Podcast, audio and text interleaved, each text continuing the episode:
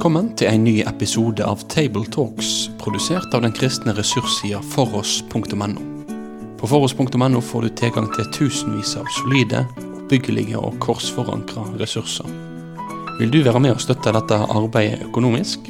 Da kan du gjerne gi de gaver til Foross på VIPS nummer 70979. Vi håper at du setter pris på dagens episode av Table Talks.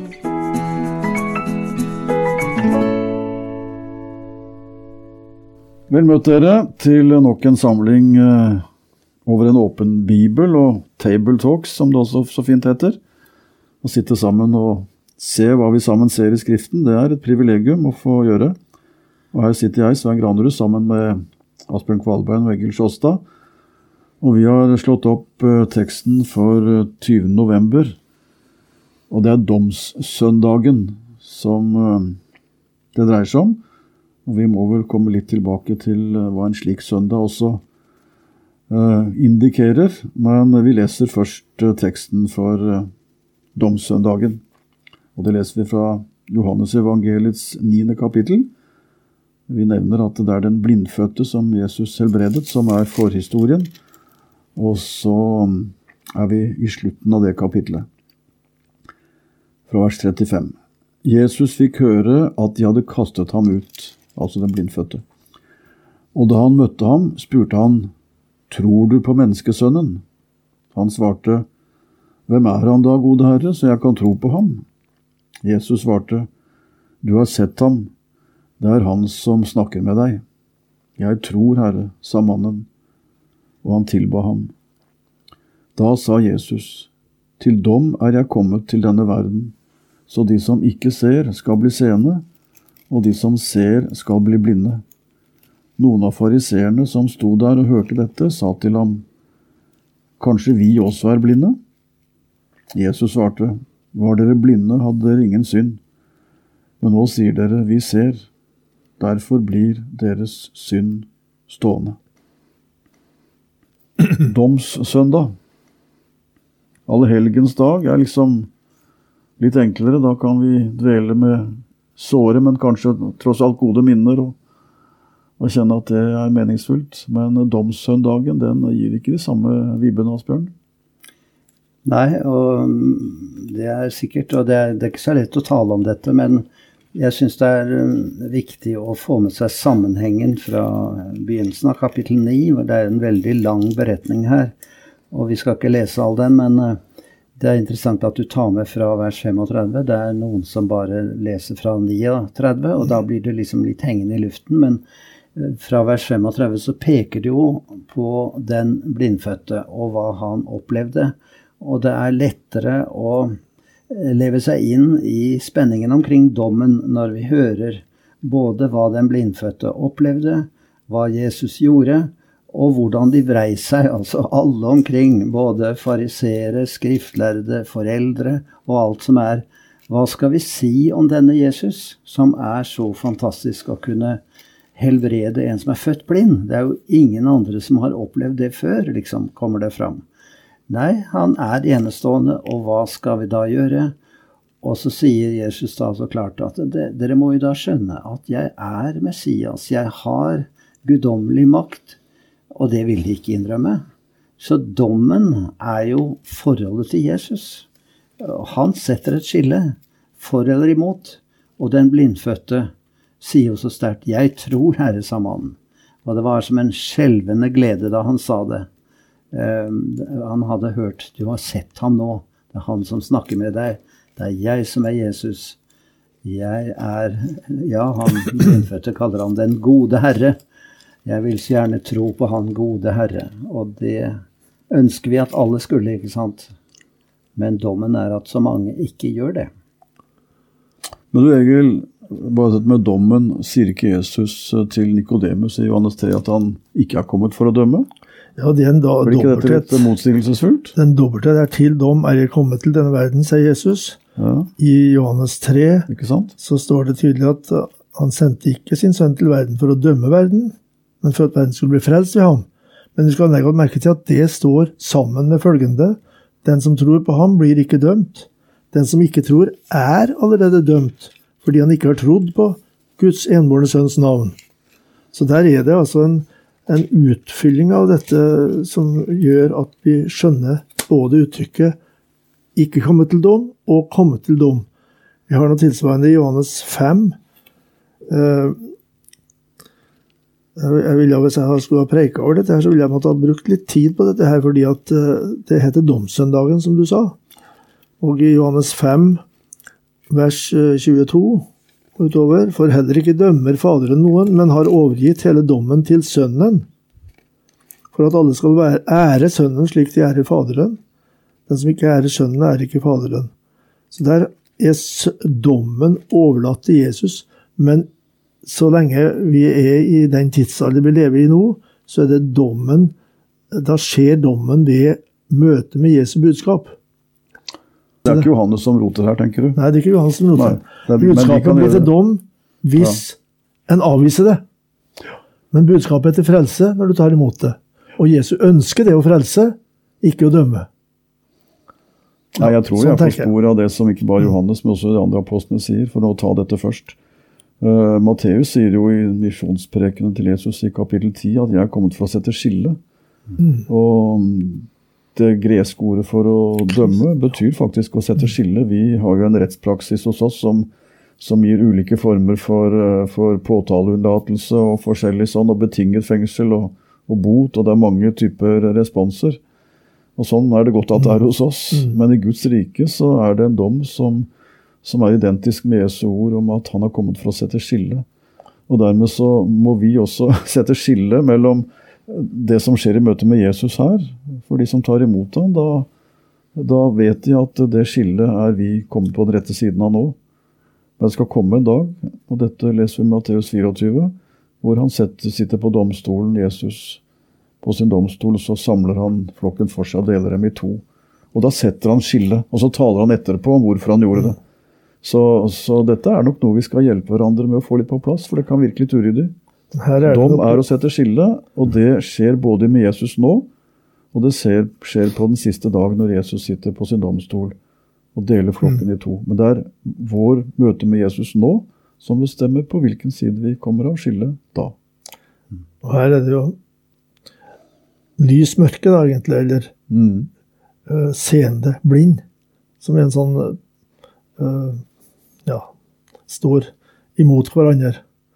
Og det måtte en da i preike gå litt mer inn på. Jesus kaller seg verdens lys i starten av dette kapittelet. I vers 5, eh, mens jeg er i verden, er jeg verdens lys. Og i kapittel 8, vers 12, så er dette kjente ordet Igjen talte Jesus til dem og sa 'Jeg er verdens lys'. Så dette lyset, det er et lys som kan gjøre blinde seende. Og samtidig så er det sånn at de som tror de ser, de blir værende i sin blindhet, som det står mot slutten. Hvordan har dette med se og det å sette skille, henger det sammen, Asbjørn? Ja, jeg vet ikke om jeg klarer å følge opp det spørsmålet så godt, men jeg tenker på det at her er mange lignelser av Jesus som, eh, som sier noe om dom. Det er jo der vi må hente det, og det er noen som sier at eh, det er bare Paulus og de strenge som forkynner om dom og en kraftig mørk religion. Men Jesus er jo den skarpeste til å forkynne om dommen. Og da må vi tenke ut fra hans lignelser hva han vil si. Jeg tenker på det med kongesønnens bryllup, hvor utgangspunktet så mange var invitert. Ja, alle var invitert. Matteus 22 står jo det i. Og så er det det at folk kommer med all slags unnskyldninger, og de dreper rett og slett de som inviterer, og du merker ondskapen til de grader. Og så blir folk invitert langt borte fra, de som ikke regnes med. Og så kommer de til bryllupet, men der er det noen som ikke har bryllup, eller en da som ikke har bryllupsdrakten på. Og det må jo forklares ved at uh, Bryllupsdrakten er Jesu rettferdighet, at man har tatt imot den gaven som det er å være kledd passelig for bryllupet. Og der, Det går jo på det at alle er velkommen, også de som føler seg mest utsatt. Og de som uh, stritter imot og ikke vil uh, komme, de er avvist. De stenger seg selv ute. Og den som kommer, kommer fordi en er rettferdiggjort av Kristus. Så her er en lignelse som forklarer nærmere det som skjer omkring dommen. Eh, for det er ikke så lett å, å forklare alt for folk. Vi skal alle fram for Kristi domstol, sier Paulus. Men det betyr jo ikke at vi dermed skal dømmes i den domstolen, for da skal det vise seg at vi har fått del i Kristi rene drakt og står rene og verdige for ham. Men blindhet er jo et hovedtema her, da. Og det å få syn, det blir jo identisk med det å bli verdig for himmelen. Vi avslutter med 'Derfor er dere fremdeles skyldige', står det hos meg. Og der sto det, Svein. Derfor er, er synden fremdeles Hva det står? Derfor blir deres synd stående, står det Derfor blir det synd stående, ja. jeg har foran meg her. Ja. Og det å møte fram i dommen og ha sin synd stående, det er jo den store krisen, da. Da er du fortsatt skyldig. da er du fortsatt Ja, skyldig. for det er jo skylden som er den Ja. dypeste konflikt. Men den, den dobbeltheten her, altså fra fysisk blindhet til åndelig blindhet eh, Begrepet åndelig blindhet brukes ikke i Bibelen, men, men vi finner ikke bedre begrep på det. da, i At det går an å være blind og samtidig fysisk se. Og det går an å være eh, legemlig seende og være åndelig blind. Eh, Johannes eh, har jo en del tekster som, som hjelper oss her. Eh, vi har disse lignelsestekstene som Asbjørn nevner. Et av de mest kjente siterte Jesusordene i Johannes evangeliet er Johannes 14, 6. Jeg er veien, sannheten og livet. Ingen kommer til far uten ved meg. Og Det er jo et veldig oppbyggelig ord med røde streker rundt om i mange bibler. Men samtidig så betyr jo det indirekte at den som ikke kommer til meg, kommer heller ikke til far. Men som den som avviser Jesus, avviser far. Og så har han bare noen vers lenger nede utsagnet 'Den som har sett meg, har sett Faderen'. Og da er vi nettopp uttrykket som vi er inne på nå, og denne teksten inviterer oss inn i, nemlig hva vi ser. Så vende blikket mot Jesus, og la blikket hvile på Han. Det betyr at jeg igjen har opprettet en øyekontakt med min far som brast i syndefallet. Det er veldig nyttig, jeg bruker i hvert fall en del oppmerksomhet på det, å, å vise folk at det første tegnet på at eh, det har kommet noe galt inn mellom Gud og mennesker, det er at man vil skjule seg for Guds blikk. Så Gud roper på dem, og menneskene forsøker å finne ly bak noen busker, står det om Adam gjemte seg. Og Det forteller meg noe at det som er et uttrykk for gjenopprettelse, det er at Gud og jeg kan se hverandre inn i øynene igjen. Og det kan jeg ikke i denne tid, slik Gud er hellig. Men i møte med Jesus så er jeg på vei til å møte Gud. Den som ser meg, har sett Faderen, sier Jesus. Og da er jeg på den rette siden av det store skillet. Dommen. Jeg kom på det her nå når eh, vi leste den teksten her i- igjen, at eh, den summeres egentlig opp i den forlengelsen av den samtalen med Nikodemus. Den som tror på ham, blir ikke dømt. Den som ikke tror, er allerede dømt. Der ser du både den som kommer til Jesus og får møte Jesus, og den som avviser Jesus. Så det er budskapet om Jesus, forkynnelsen av Jesus.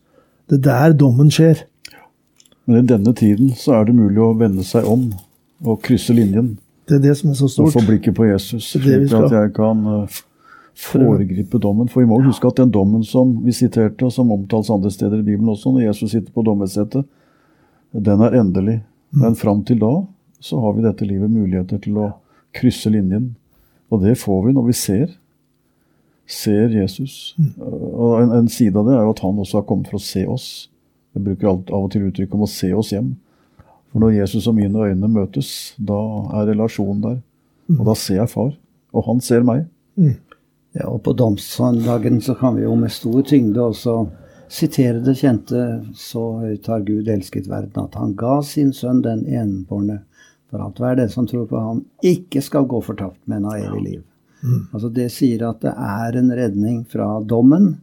Den negative dom, det er å tro på Jesus, for det er Guds egentlige vilje. Så døren står åpen til å unngå Guds dom. Men noen vil kanskje spørre eh, rett og slett hvorfor må Gud ha en dom? Hvorfor kan ikke alle Han har skapt alle mennesker, han er glad i alle mennesker. Hvorfor kan ikke alle bli frelst? Hva svarer dere på det? Ja, det er, eh, det er ikke bare 10 000 kroner spørsmålet, det er mer enn, mer enn det, Asbjørn. Hva er ditt svar, Egil? Ja, nei, Vi kommer jo ikke utenom det vi kaller den dialektikken mellom lov og evangelium, altså hos Gud. Han er lovens Gud også. Han er den Gud som krever. Og han er den Gud som forventer. Og når dette ikke blir møtt på en fullkommen måte, så må han i sin kjærlighet finne den løsningen som Jesus representerer, og som gjør at vi kan lese til folk Johannes 3, 16, så han har elsket Gud verden. Så denne kjærligheten, den er en kjærlighet til de som er under lovens dom og lovens forbannelse. Og den loven er også Guds. Men Guds ufattelige kjærlighet er at han kan flytte et menneske fra denne lovens forbannelse og inn i nåden, og la oss få leve der. Men eh, noe teoretisk svar er ikke dette heller, da.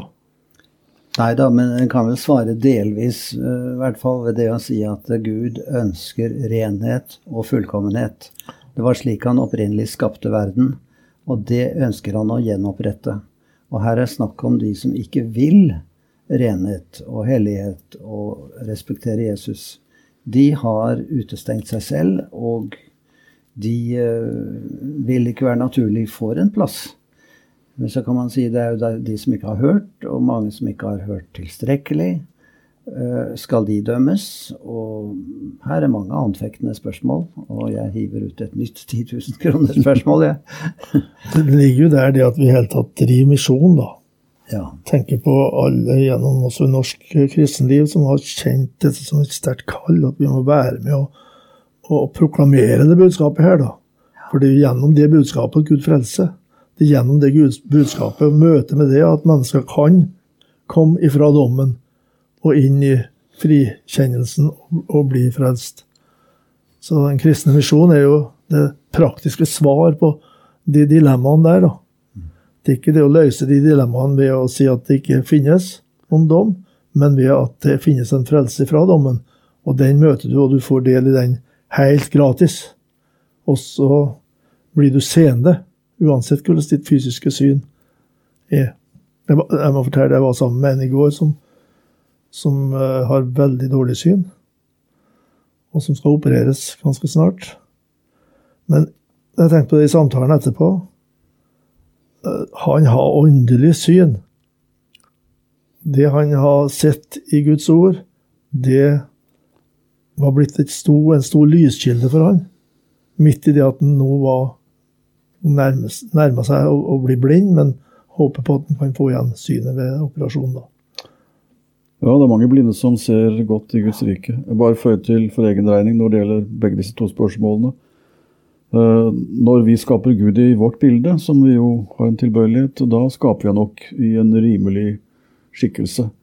Grei nok og kjærlig nok til å kunne elske oss som vi er, og og tolerere at vi sliter og gjør vårt beste, men ikke alltid lykkes. Og vi hører jo en del forkynnelse av et gudsbilde som jeg syns nok nærmer seg det, mer enn det jeg møter i Bibelen, for der møter jeg en Gud som først og fremst er hellig. Uh, og Det betyr at vi har, får et ikke monistisk, altså ensidig, men et dobbelt gudsbilde. Dualistisk, hvor vi møter både den hellige Gud, som er så hellig at alt ondt, det, det, det kan ikke nærme seg han. Det brenner opp. Eh, men eh, samtidig så er han en Gud som elsker, og som er kjærlighet. Og Jesu handling for oss er jo nettopp uttrykk for at Guds kjærlighet er så stor at han lar den sone det som hans hellighet eh, ser er konsekvensen av våre synder. Så det, det, må vi forkynne, og hvis ikke det, så tar vi, vi Det paradoksale er at hvis vi tar bort Guds hellighet for å gjøre Gud litt greiere, så reduserer vi tilsvarende hans kjærlighet og gjør den til bare et avbilde av oss selv i våre beste stunder. Så vi vinner ingenting ved å ta ned gudsbildet av en hellig Gud. Og så sitter jeg også med samme spørsmål som dere har nevnt, og hva skjer med dem som ikke har hørt, og, og alt sånt. Og Det har vi ikke tilstrekkelig svar på. Det, det viktigste svaret for oss er misjon. Det er ikke tvil om, for det er vårt oppdrag. Likevel blir det et sittende spørsmål. Jeg har vel svart sånn, og det er bare et uttrykk for at jeg ikke vet. Men jeg vet noe. og det, Jeg prøver å si ikke mer enn det Bibelen sier. Og Paulus skriver til Timotus i 1. Tim 2 at Gud vil at alle skal bli frelst. Det vet jeg at han vil. Men så skjønner jeg av Bibelen at det er ikke gitt at alle blir det. Og så vet jeg at Gud er en rettferdig dommer, for det står det også i Skriften. Med rene ord at han er en rettferdig dommer. Så jeg ser for meg at når den dom kommer, da, som vi har talt om nå, den siste dom, så er det ingen som vil si i etterkant at dette var en urettferdig dom. Det har jeg en grunnleggende tillit til. Hvis én dom noen gang blir rettferdig, så er det en dom Jesus feller på dommersetet.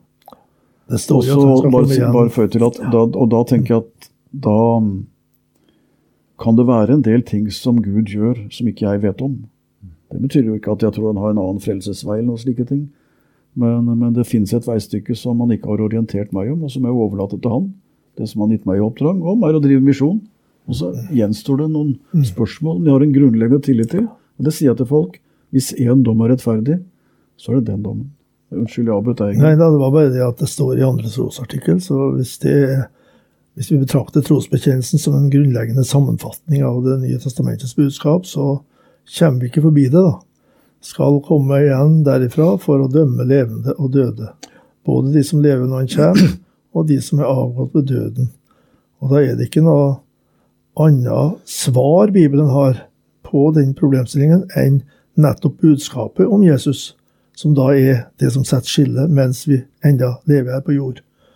Jeg, jeg kom på en annen ting jeg, da, som eh, Hvis jeg skulle preke over den teksten, det vet jeg ikke om jeg skal, men eh, vi har mange eksempler på, på blinde mennesker som nettopp har betydd veldig mye for andre på det, på det åndelige plan. Da. Fanny Crosby. Hun ble blind. Mathias Orheim. Orheim. Mm. Eh, Øyvind Andersen ble jo blind. Er mange sånne som da har, har betydd veldig mye fordi at de hadde fått åndelig syn. Så å gjenfortelle en sånn fortelling, f.eks. om Fanny Crosby, da, for å ta en kvinneskikkelse, som skrev 8000 sanger, hvorav alle de sangene, nesten alle, ble brukt i verden. Og hun var blind. Og så går det an å fortelle hvordan hun klarte å ja, Det blir jo en digresjon i en tale, men, men mange liker jo å høre det også, da. Mm. Ja. Jeg tenker på at Hvis jeg skulle talt over den teksten, så ville jeg bedt om å få lage en vekkelsespreken ut fra det at, eh, at eh, dommen er alvorlig, Gud er hellig, men eh, problemet er meg om jeg er blind åndelig sett. Om jeg kan få se evangeliet, nåden og Kristus. Det Fariseerne spør jo kanskje vi også er blinde.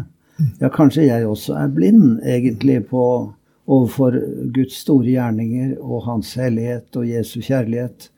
Det er så mange spørsmål en kan spinne ut på dette og si at uh, det er ikke bare teoretiske spørsmål, men det gjelder meg personlig.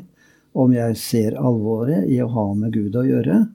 Uh, alvoret og den store frelse som Jesus har gitt, og som har kostet ham alt for at vi skal få den gratis av nåde. Så synger 'O Jesus, åpne du mitt øye', det bør vi gjøre inkluderende, også med tanke på at han må vise oss det som er grunnen til at uh, han kom, og at jeg er så rik som jeg er. Et uh, bare aspekt som vi ikke har nevnt, men som jeg tenker også kan høre med, det er at eh, dom det bekrefter også ansvar, og ansvar bekrefter verdi. Altså folk som vi ikke tenker uh, kan gjøre noe som helst, de regner vi ikke med. Og um, i rettsapparatet så blir de av og til definert som uh, ikke tilregnelige i gjerningsøyeblikket. Og dermed så setter man dem bare bort til behandling. Og sånn må det være i vår, vår verden. Men uh, samtidig er du da tatt ned litt i verdi i forhold til dine medmennesker. Du, uh, du var ikke så i stand til å tenke at du tok, uh, kunne være ansvarlig, og dermed så er du også justert ned. Eh, Jeg tenker at Bibelens lære om dommen den er også et uttrykk for en Gud som har skapt oss, i motsetning til alle andre skapninger, for å stå til ansvar for Han. Og det er samtidig også det mest positive uttrykk for hvilken verdi vi har. At Gud vil ha med oss å gjøre, og at han, vi skal stå til ansvar for ham. Det, det, er like mye kjærlighet at jeg lærer barna mine, eller gjorde det i hvert fall. Lærte dem å sette grenser og sånn de skal leve. Det gjorde jeg fordi jeg var glad i dem, og det ga dem verdi. Og Det er bare et lite avbilde av hvordan den gode far og den hellige dommer tenker om oss. Og nå, er det siste replikkrunde, dere. Ja, ja, ja, jeg ville bare ha tatt med dette her fra Johannes 6. For dette er min fars vilje, at hver den som ser Sønnen Da kan du være fysisk blind og likevel se. Ser Sønnen og tror på ham, skal ha evig liv. Flott. Ja, flott. Mm. Ja, men det er en fin avslutning, det. Mm.